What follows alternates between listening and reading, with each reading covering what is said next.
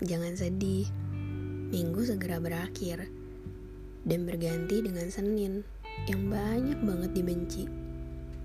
Tapi kamu tahu gak sih, walaupun kebanyakan orang benci sama datangnya Senin, tapi dia gak pernah merasa putus asa dan pasti akan selalu hadir setiap sekali dalam seminggu.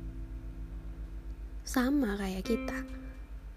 Kita nggak bisa maksa buat semua orang suka dengan kehadiran kita. Tapi kalau ada yang nggak suka, ya nggak usah kamu pikirin dan berujung putus asa juga.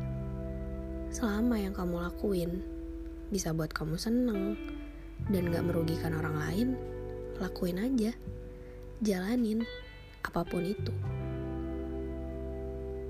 Kebanyakan orang selalu takut untuk jadi dirinya sendiri karena standar sosial yang ada. Kebanyakan orang lebih senang memikirkan kebahagiaan orang lain, padahal kebahagiaan diri sendiri adalah hal yang paling penting di atas segalanya. Kehidupan adalah ketidakpastian yang bisa menjadi pasti tanpa kamu harus bertanya-tanya hal yang belum pasti